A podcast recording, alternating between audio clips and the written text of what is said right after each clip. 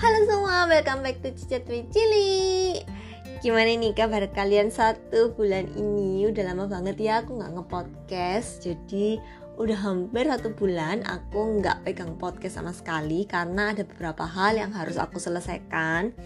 Uh, Hal pribadi dan juga urusan kerja juga. Jadi satu bulan ini tuh aku agaknya hektik. Jadi ada beberapa pesanan. Ya puji Tuhan aku ada beberapa pesanan uh, puding. Jadi aku harus masak dan aku nggak sempet untuk pegang materi podcastnya. Kayak gitu. Jadi ya satu bulan akhirnya nggak nge-podcast deh gitu. Nah uh, kalian gimana nih kabarnya satu bulan ini? Ya aku harap sih kalian masih baik-baik dan sehat selalu ya. Karena uh, kalau di Surabaya sih jujur masih uh, kantor sih masih masuk jadi buat kalian yang juga masih kerja entah itu ada di Surabaya atau di kota lain aku sangat sangat sangat berharap kalian itu menjaga banget kesehatan kalian jadi nggak terlalu pegang muka uh, wajah ya maksudnya nggak terlalu pegang wajah pakai masker dan juga bawa hand sanitizer kayak gitu. Nah, hari ini tuh sebenarnya aku nggak panjang lebar karena materi podcastnya juga hmm, nggak hmm, terlalu matang.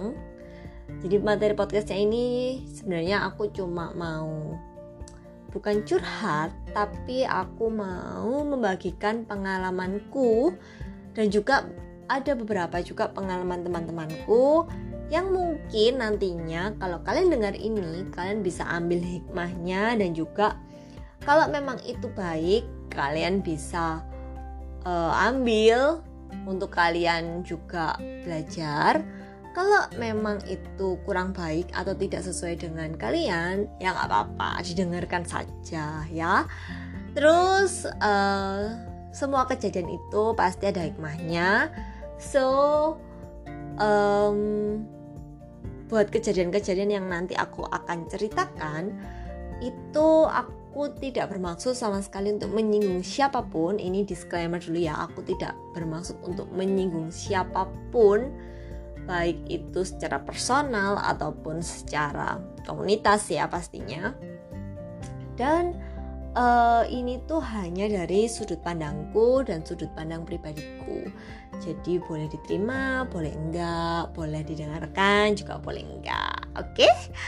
Nah, uh, hari ini aku akan membahas atau aku pengen bercerita sedikit mengenai mentalitas korban in relationship kayak gitu.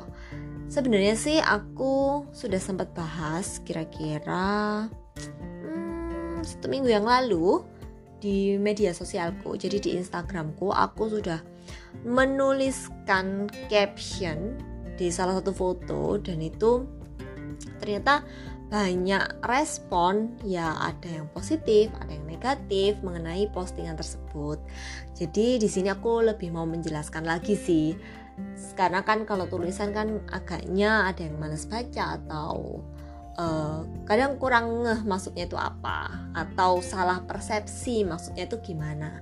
Jadi di sini aku tuh pengen banget um, menjelaskan atau pengen banget untuk bukan klarifikasi tapi uh, hanya menjelaskan maksudku tuh bagaimana sih di postingan tersebut kayak gitu. Nah, uh, jadi ini tuh membahas mengenai jadi uh, beberapa waktu yang lalu aku tuh sempat bukan sempat sih aku tuh beberapa waktu yang lalu itu putus sama pacar aku nah uh, karena putusnya itu tuh kita kesepakatan bersama akhirnya ya nggak ada pertengkaran atau nggak ada suatu hal yang mungkin kita bisa menjelekkan satu sama lain nggak sama sekali. Jadi kita tuh benar-benar uh, baik-baiklah gitu putusnya. Tapi ada beberapa pihak yang mungkin mereka agaknya kurang setuju sama aku ataupun sama uh, mantan aku kayak gitu jadi mereka uh, jujur di sini tuh aku sangat mengerti maksudnya beberapa orang uh, ngomong seperti itu karena mereka juga sayang sama aku, sayang mungkin sama mantan aku juga. Jadi mereka itu pengen kita tuh tetap lanjut, tapi mungkin hanya cara aja yang salah kayak gitu. Jadi uh, di sini itu ada beberapa pihak yang ternyata itu ngomong kalau misalnya uh, mereka itu membela aku dan akhirnya mereka itu menjelek-jelekkan mantan aku dan ada lagi satu pihak yang mereka itu membela mantan aku dan menjelek-jelekkan aku kayak gitu. Nah di sini uh, gak ada yang tahu kita tuh putusnya itu sebenarnya itu kenapa kecuali orang-orang terdekat kita aja yang tahu. Jadi mereka yang berkomentar pun itu sebenarnya itu gak tahu-tahu banget kenapa permasalahan kita putusnya. Tapi di sini tuh mereka itu ya itu tadi mereka itu hmm, ngejudge kayak gitu ya mengejudge kita satu sama lain yang akhirnya itu membawa kebencian satu sama lain misalnya kayak gini uh, orang terse orang ini tuh ngomong sama aku kalau misalnya hmm, ini cuma misal ya ini contoh.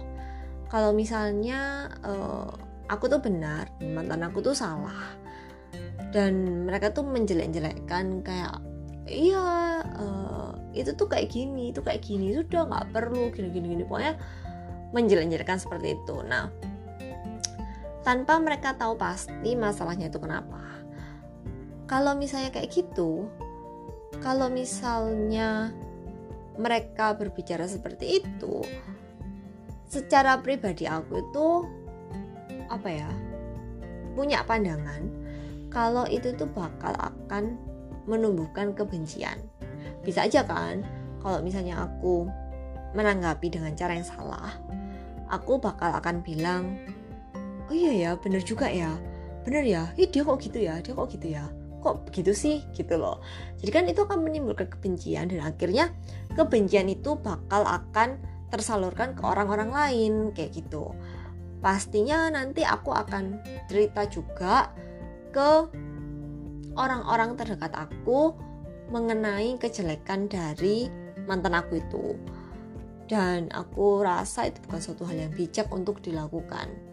Karena seperti yang aku sudah bahas di sosial mediaku, hubungan itu tuh dimulai tuh dengan kesepakatan bersama dua orang. Nggak ada kan misalnya kalau misalnya eh aku mau jadi pacarmu kamu harus mau ya?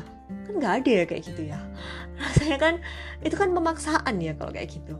Yang pasti kan uh, yang cowok itu kan pasti akan tanya atau yang cewek pasti akan tanya kau mau nggak jadi pacarku ya kalau mau ya jalan. Kalau nggak mau ya nggak jalan gitu loh. Jadi nggak ada kan namanya pemaksaan kamu harus jadi pacarku. Kalau kamu nggak jadi pacarku aku uh, misalnya aku apa ya uh, awas kamu gitu ya. Gitu kan nggak ada ya kayak gitu ya. Nah namanya hubungan atau pacaran atau relationship atau apa pun lah itu kan pasti kesepakatan antar dua orang gitu loh. Jadi kalau memang kesepakatan antar dua orang kalau ada yang salah sama hubungan itu itu kan pasti akan jadi tanggung jawab dua orang. Misalnya, hubungan itu tidak berjalan sebagaimana mestinya. Ini kita nggak usah ngomong pacar lah, kita ngomong uh, di urusan kantor. Misal atasan sama bawahan, bos sama anak buah kayak gitu. Kalau yang salah sama hubungan itu, sebenarnya itu kan yang salah atau yang tanggung jawab itu kan antar dua orang itu. Ya literally uh, agak sedikit beda sih ya. Kalau bos sama bawahan kan yang anak buahnya nggak bisa pilih ya bosnya siapa. Cuma kan tetap aja kita bisa memilih respon kita tuh bagaimana dalam menghadapi atau uh, melihat bos kita itu kayak gitu. Jadi I don't think kayak satu pihak itu bisa di salah-salahkan atau satu pihak itu bisa di uh, jelek-jelekan atau satu pihak itu bisa uh, menanggung tanggung jawab itu sendirian. Menurutku sih nggak seperti itu cara kerjanya menurut aku ya. Nah, kalau nggak setuju sih boleh-boleh aja. Itu terserah. Tapi menurut aku sih kalau suatu hubungan atau suatu relationship antar siapa pun mau anak sama orang tua mau pacar mau suami istri mau atasan sama bawahan bos sama anak buah itu hubungan dua orang. Yang pasti itu akan ada sikap atau reaksi yang bisa kita kontrol sendiri. Apa pun yang orang lain itu lakukan ke kita. Nah dari situ aku tuh melihat kalau gak ada yang namanya orang itu 100% benar dan 100% itu salah. Jadi uh, dua orang itu salah dan dua orang itu benar. Dan tergantung dari perspektif kita masing-masing kayak gitu. Misalnya nih misal uh, satu contoh aja um, aku dulu itu pernah diputusin sama mantan aku yang lain itu karena dia itu selingkuh kayak gitu. Nah kalau dipikir-pikir orang lain atau orang luar yang tidak di dalam hubungan tersebut pasti itu akan berpikir wah mantan kamu selingkuh. Wow udahlah pokoknya dia itu jahat. Dia itu ah buang aja lah kayak gitu kok namanya udah selingkuh itu ah buang buang buang kayak gitu nah itu kan hanya diambil dari satu sisi atau satu pihak yang selingkuh kayak gitu tapi di sini aku tidak membenarkan yang namanya selingkuh ya. Jadi selingkuh itu tetap salah dan aku tidak mentoleransi hal tersebut kayak gitu. Nah, uh, itu tetap salah. Namanya selingkuh itu tetap salah. Tapi yang di sini yang aku tekankan adalah bukan perkara selingkuh atau enggaknya, tapi perkara uh, kenapa orang ini tuh bisa sampai selingkuh kayak gitu selingkuh itu salah. Kita tahu semua bahwa selingkuh itu salah.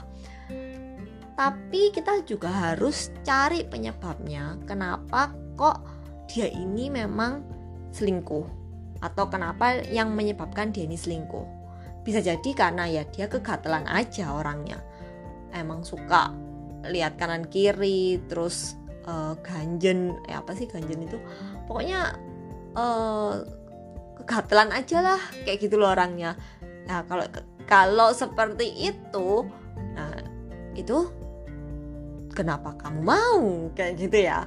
Kenapa kamu mau? Salahnya adalah kamu memilih orang yang salah. Kenapa kamu mau? Kayak gitu. Tapi kalau memang orangnya itu biasa memang tidak kegatelan terus dia bisa selingkuh nah itu juga perlu dipertanyakan. Mungkin dia ada kurang puas sama hubungan itu.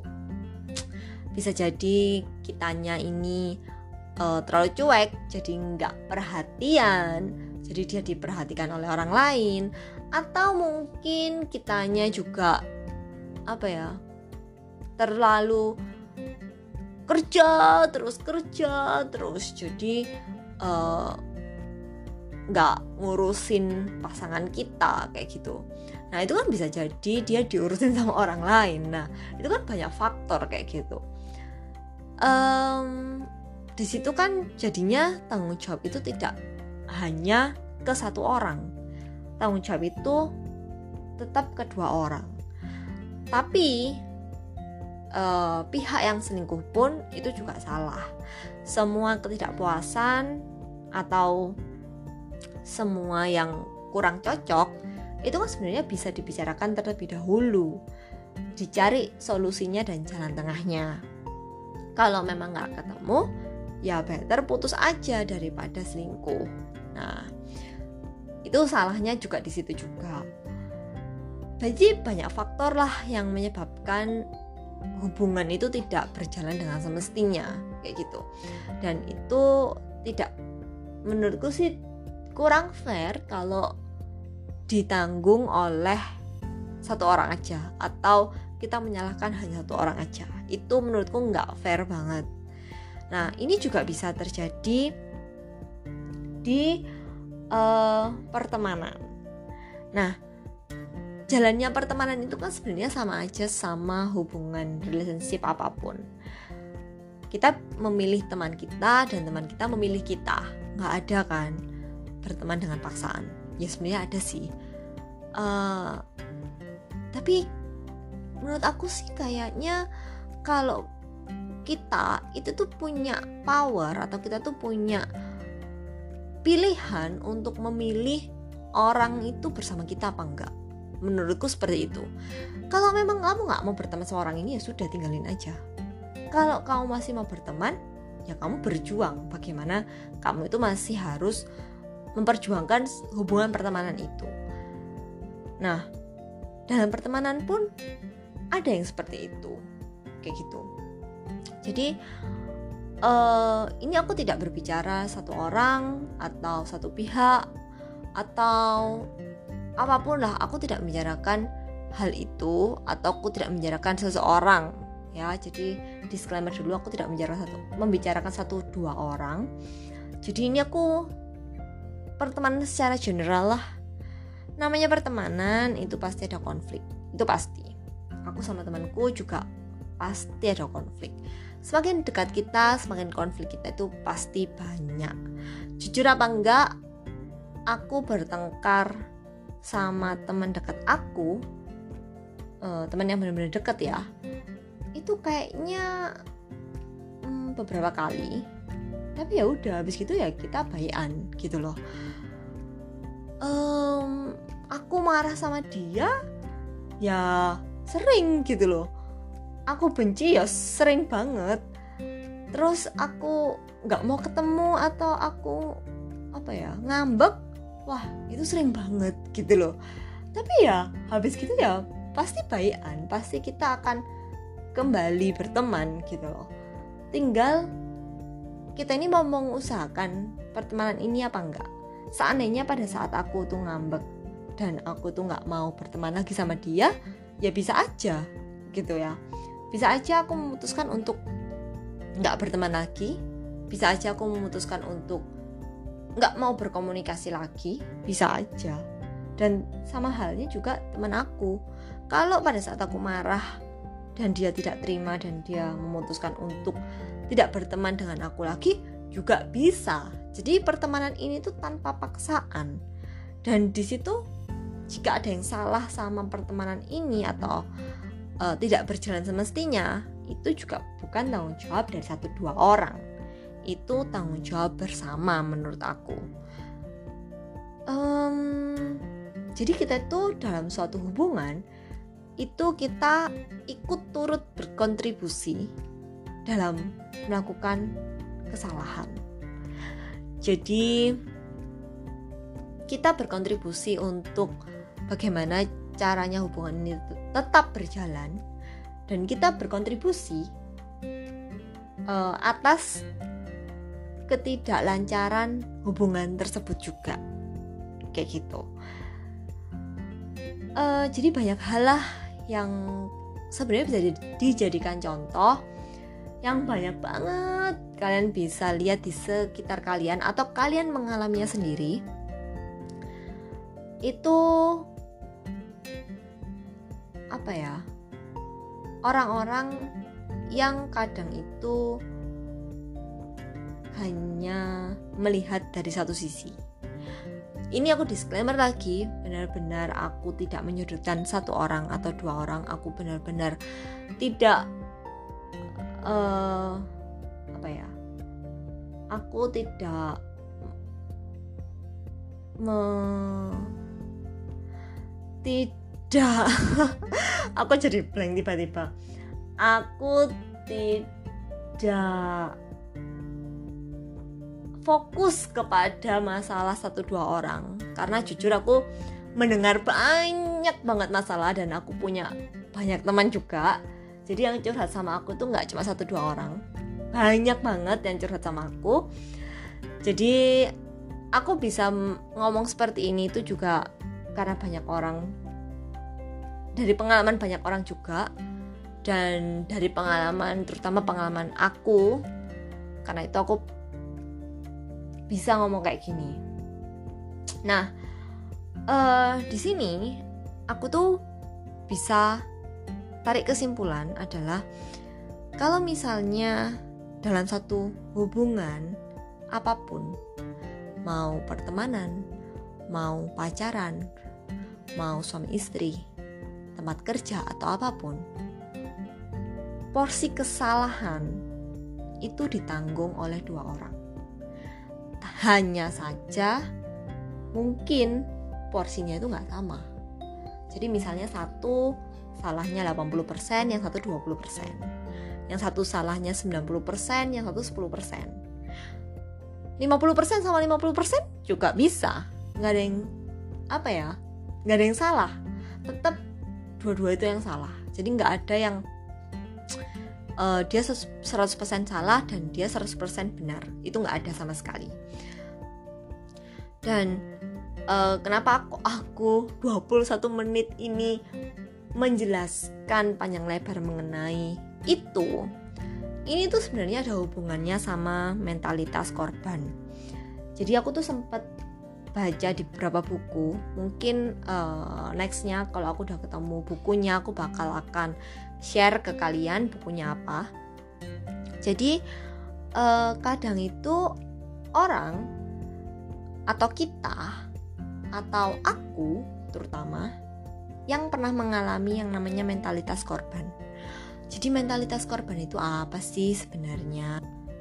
Jadi, mentalitas korban menurut Encyclopedia of Communication Theory tahun 2009, eh, mentalitas korban itu adalah sifat kepribadian yang diperoleh di mana seseorang cenderung mengenali diri mereka sebagai korban tindakan negatif orang lain dan berperilaku seolah-olah ini adalah kasus dalam menghadapi bukti sebaliknya dari keadaan semacam itu. Nah, mereka ini adalah orang-orang yang selalu mengeluh tentang hal-hal buruk yang terjadi dalam hidup mereka karena keadaan di luar kendali mereka. Tidak ada yang terasa benar untuk mereka. Kesulitan mengikuti mereka ke mana pun mereka pergi. Nah, ini aku lanjutin lagi ya. Orang-orang yang terjangkit mentalitas korban ini juga merupakan ahli manipulasi yang dapat membuat interaksi dengan mereka menyebalkan. Seolah-olah mereka ini mengundang orang untuk membantu mereka. Jadi mereka itu uh, ingin dikasihani seperti itu. Hanya untuk membuktikan bahwa upaya penyelamatan mereka ini sia-sia.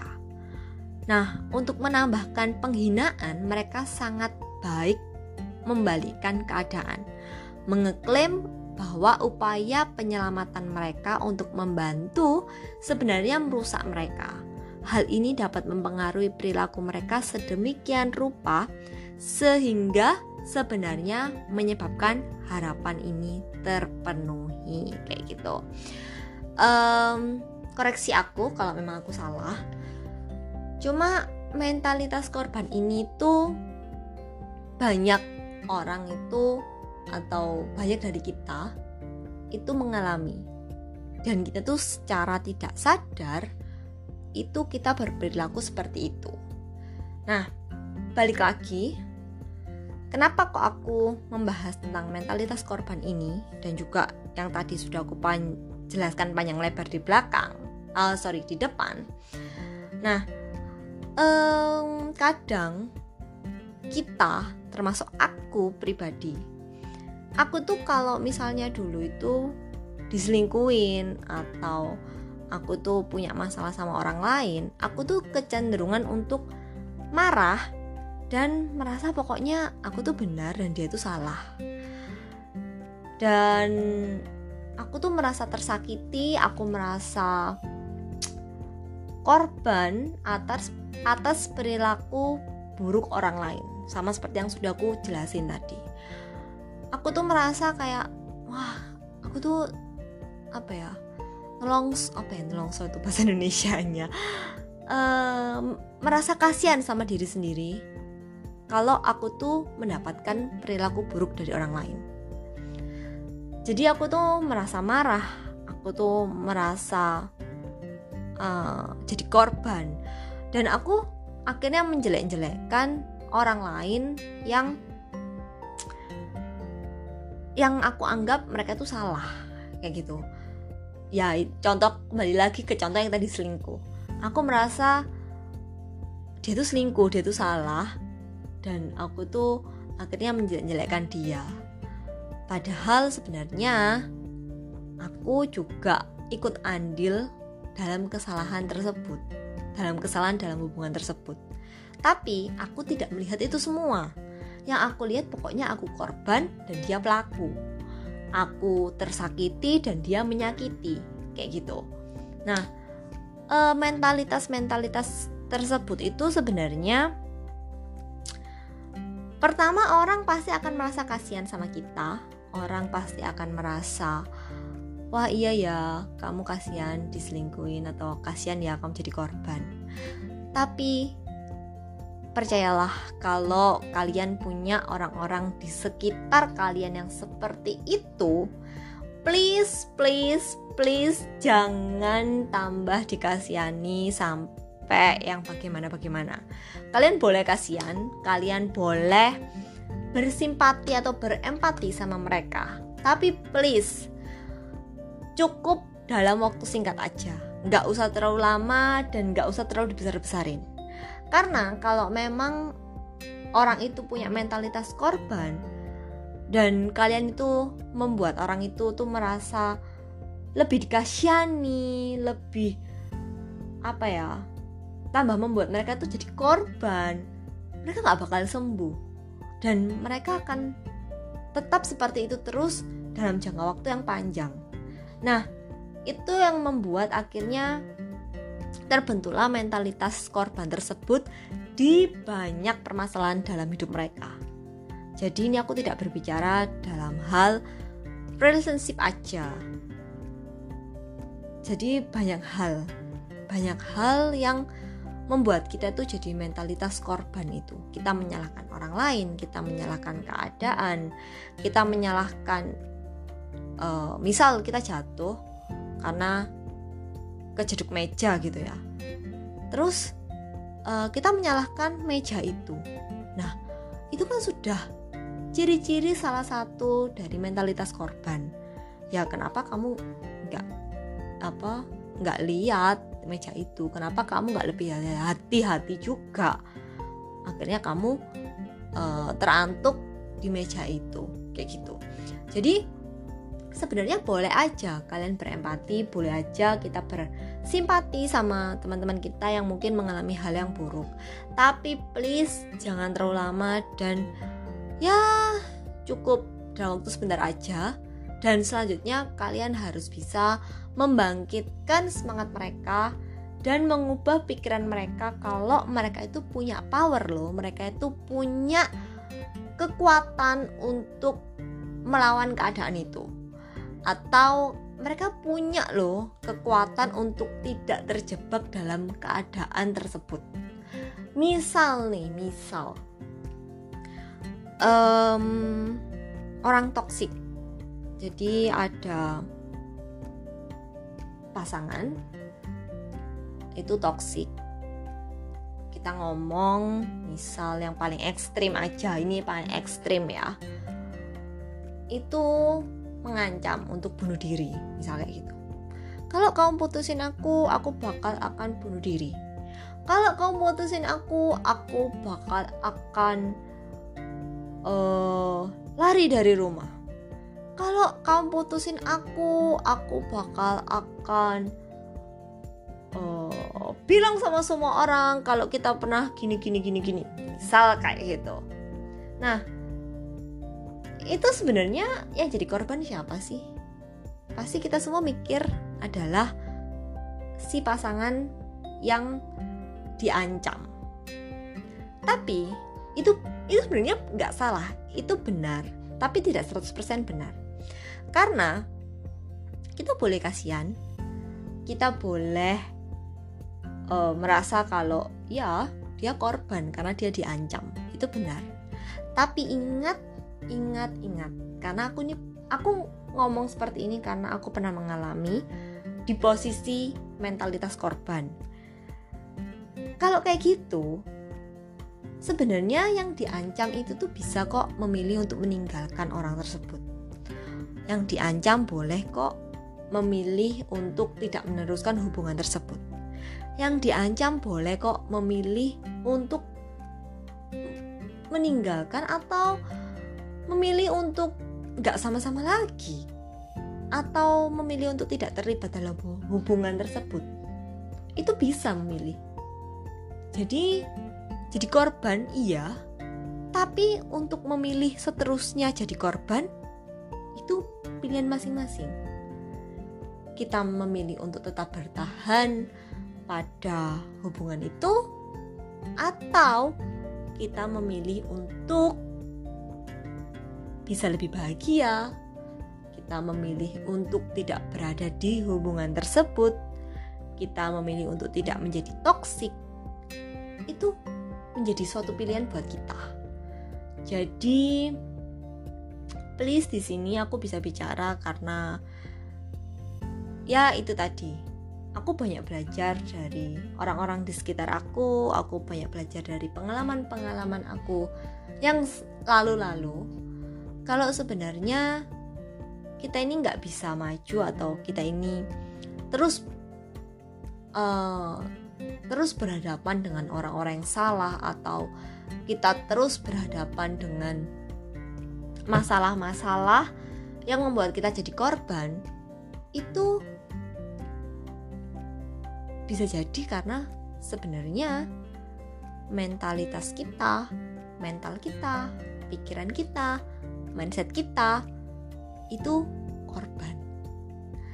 Jadi mungkin perlu dirubah dulu mindsetnya perlu di cuci dulu mindsetnya atau apa pikirannya supaya nggak terus terus dan terus mengasihani diri sendiri dan terus mempunyai mental seorang korban.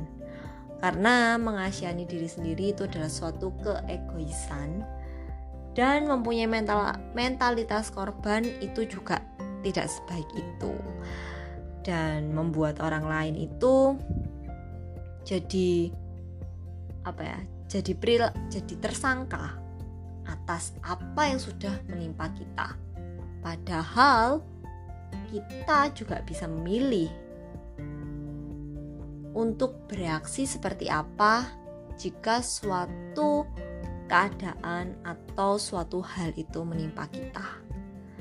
Jadi berusaha lebih dewasa dalam menghadapi apa pun, terutama dalam hubungan. Di sini aku mau bicara mengenai hubungan karena ya itu tadi barusan ada bukan barusan sih. Jadi beberapa waktu yang lalu itu ada orang-orang yang memang membukakan mata aku kalau ya aku nggak boleh kayak gitu terus aku nggak boleh jadi orang yang uh, selalu merasa aku ini nggak berdaya atau aku ini nggak punya pilihan atau aku ini jadi korban dari kejahatan orang lain. Nah, gitu aku bersyukur banget. Aku sudah dipertemukan dengan orang-orang seperti itu dan aku bersyukur juga sudah diberikan um, pikiran yang terbuka untuk oh oke okay, berarti aku salah dan aku harus jadi lebih baik lagi kayak gitu. Kesalahan yang terus diingat-ingat kesalahan yang terus dipikirin terus itu nggak akan membuat kita maju. Dan ya itu tadi kita tuh bisa memilih untuk bahagia kita bisa memilih untuk nggak berada di hubungan yang toksik kita bisa memilih untuk nggak berada di circle pertemanan tertentu. Kita bisa memilih untuk tidak berada di hubungan tertentu kita punya pilihan itu kok kita juga punya pilihan untuk punya mental korban atau enggak.